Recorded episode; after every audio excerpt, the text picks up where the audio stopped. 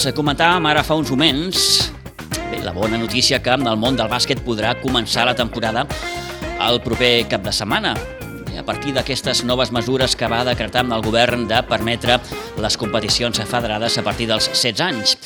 Eh, no deixem aquest fil, aquest petit fil de l'actualitat esportiva d'aquí casa nostra, perquè abans d'ahir dilluns la Federació Catalana de Futbol va anunciar que no se'n reprendrà la segona catalana. Ho va fer després de conèixer que més d'un 58% dels clubs consultats es van mostrar contraris a competir aquesta temporada, bàsicament per la impossibilitat que es pugui dur a terme un pla de competició que portava la temporada més enllà del mes de juny i havent de disputar partits entre setmana, en una categoria que, com saben, és totalment amateur. Ara mateix, pel que es veu, la federació estaria estudiant la possibilitat d'un nou format de competició amistós i amb la participació, això sí, voluntària, per part dels clubs, sense, òbviament, ascensos ni descensos. Dels clubs de la comarca en Garraf Penedès, eh, només la Unió Esportiva Sitges havia mostrat la seva voluntat de reprendre la competició. No és el cas, per exemple, de la resta de clubs, és a dir, el Cubelles, l'Olivella, el Moja i l'Atleti Vilafranca. 9 i 11 minuts del matí. Saludem Jordi Martínez, president de la Unió Esportiva Sitges. Jordi Martínez, bon dia i bona hora. Hola, molt bon dia a tothom. Eh, mm, et demanaria, no sé, una reflexió inicial eh, al que ja va confirmar, com dèiem abans d'ahir, la federació, que és que no se'n reprendrà la segona catalana. Bé, aquesta, aquesta decisió és, és una, una més de tot aquest eh, que estem tenint des, de, des que va començar el tema pandèmia l'any passat. Uh, la temporada anterior ja, ja la vam acabar anem a dir d'una manera no gaire normal, va ser d'un dia per l'altre i amb la classificació vigent, quan això no s'havia parlat, i però, bueno, ja, ja entenem que era un cas eh, molt extraordinari perquè ningú podia preveure la pandèmia, però malauradament ara ja estem avisats, ja portem un any d'experiència amb el tema i, i les coses pues, a, nivell de, a nivell de la Federació Catalana de Futbol, pel nostre entendre, eh, segueixen sense fer-se el que es pot. Eh, Jordi, hi va, haver una, un, hi va haver una consulta prèvia als clubs? El divendres passat, i això volia fer un esment, eh, la Unió Esportiva Cites és l'únic club que, que el cinc de, de comarques de Garraf, de la delegació de Garraf, que, que ha votat a favor de, de reprendre, però els altres no, per, perquè estic informada, no han votat en contra. Simplement és el fet de que les dues opcions que, que la federació donava, eh, una pregunta amb dues respostes, A i B, eh, la de, de fet era Guatemala o Guatepeor, perquè cap de les dues era, era massa correcta. El que passa és que dintre de, de la nostra voluntat de, de col·laborar, ja que se'ns pregunta, doncs, doncs a mínim doncs, respondre, i de les dues opcions doncs, vam parlar que era la, la menys perjudicial pel, pel club. Eh, a partir d'aquí, eh, no sé, eh, és, és un tema que la federació doncs, doncs està, eh, està navegant una miqueta segons el vent d'on li arriba, perquè s'ha vist obligada a, a reiniciar la, la primera catalana perquè dona accés a la categoria nacional, eh, la categoria nacional, per això mateix, per ser categoria nacional, doncs estan competint sense interrupció, i està clar que hi haurà descensos. Llavors, què, què passa? Que necessita, la Federació Espanyola necessita reomplir els forats que hi ha a la tercera divisió amb els uh, clubs que pugen de primera catalana.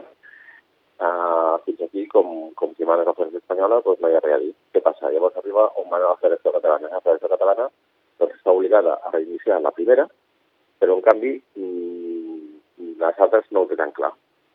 I l'últim l'última decisió així una mica estranya és que pugui jugar primera catalana, pugui jugar tercera, pugui jugar quarta, puguin jugar els veterans, eh, puguin jugar juvenils, puguin jugar, és a dir, una sèrie de, segons Manuel Procicat, tothom que estigui federat a partir de 16 anys, i en canvi, segona catalana, doncs no.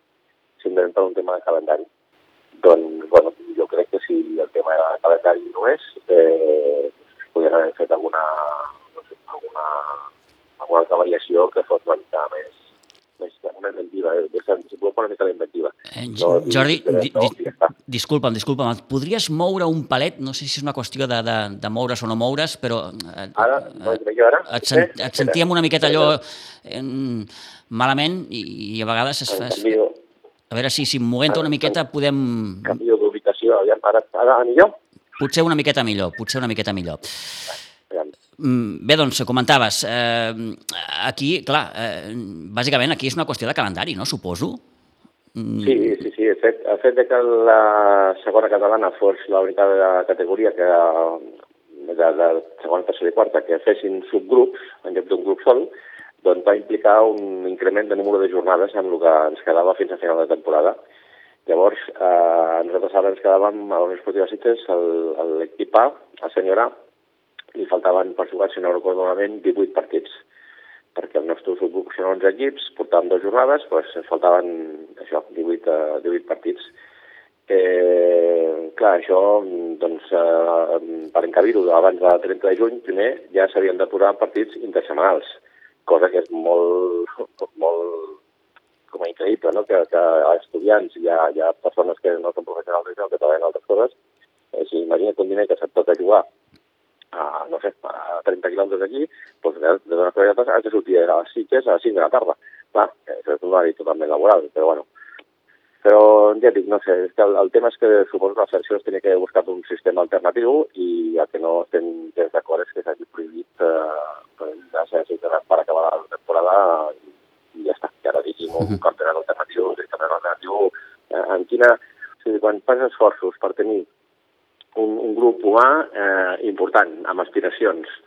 Eh, tens una despesa econòmica per, per mantenir aquest grup. Eh, durant tots els mesos de pandèmia eh, no deixes de, que, de posar a disposició fent tots els esforços sanitaris i logístics perquè tothom pugui continuar entrenant. Nosaltres estem entrenant tots els equips del, del club, des del prebenjamí, des dels socials, fins als, als sèniors masculins femení eh, la manera que tenen de pagar per tot aquest esforç que fas perquè la gent pugui fer esport és, mm, pues yo lo digo i aquí s'acaba la temporada i punto.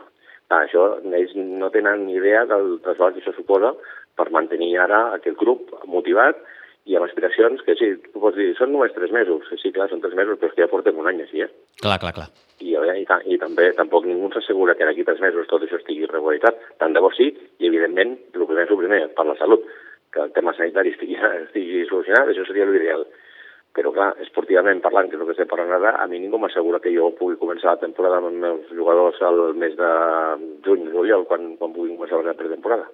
Eh, com queda ara la situació? Eh, la federació, pel que es veu, vol, vol crear un- una competició amistosa, no sé si, si, si, si anomenar-la així, amb participació voluntària per part dels clubs. És així?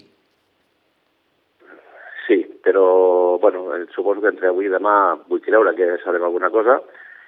El que passa és que això ho haurem de valorar molt perquè, perquè clar, és que al final les coses, jo no, no, es poden dir les coses i hi ha algunes que, que costen una mica més, però bueno, ja va... Mm, ha fet una competició amistosa ara per tres mesos amb, ara enfrontant equips que, que han volgut jugar, equips que no han volgut jugar, eh, que això no seria cap problema, evidentment, però el tema per què és? Per recaptar diners amb els arbitratges i per l'organització o ho faran de forma gratuïta? Mm. Però clar, si a sobre de que no ens deixen jugar eh, ens organitza un campionat voluntari, a sobre hem de pagar, doncs, escolta, no sé, potser que valorem la possibilitat de, de fer uns partits de solters contra casats els diumenges i, i deixem passar la temporada i llavors l'any que ve ja, ja tornarem a parlar. Què farà Jordi als Sitges? No ho sé, no ho sé. Ja. No sé, perquè aquesta tarda, aquesta tarda tenim reunió, tenim reunió a la banda esportiva de la Junta i, i el comitè, bueno, perdona, el cos tècnic, uh, i a partir d'aquesta tarda prendrem, prendrem decisions, perquè, clar, evidentment, tot el recolzament i el nostre suport a, al senyor B, que arribem a la competició, igual que el, els dos juvenils, uh, igual que el senyor femení, igual que l'equip de diversitat funcional, tots aquests eh, reinicien competició el dia 21 i evidentment ja estem una altra vegada tornant a refer tot el calendari d'entrenaments perquè tothom pugui entrenar el màxim d'hores possibles. Després ens trobem també amb un tema que parlant de l'Ajuntament se'ns va oferir la possibilitat d'anar algunes hores a, per, per descongestionar una mica, perquè clar, aquí el tema és que tots els equips entrenen tres dies a la setmana. Mm. Ara en pandèmia, per no, per no coincidir amb horaris i que no hi hagués aglomeració de gent, ho hem rebaixat a dos dies, perquè a més tampoc hi ha competició. Ara sembla ser que es renuden les competicions. El, els últims rumors diuen que també volen començar d'aquí dues o tres setmanes el futbol base. Llavors tothom ha de quarantena tres dies, però clar, el toc de queda continua vigent. Eh, necessitem més camp, perquè si, si entrenem menys hores, eh, però necessitem entrenar els mateixos dies, doncs està clar, l'espai és aquest.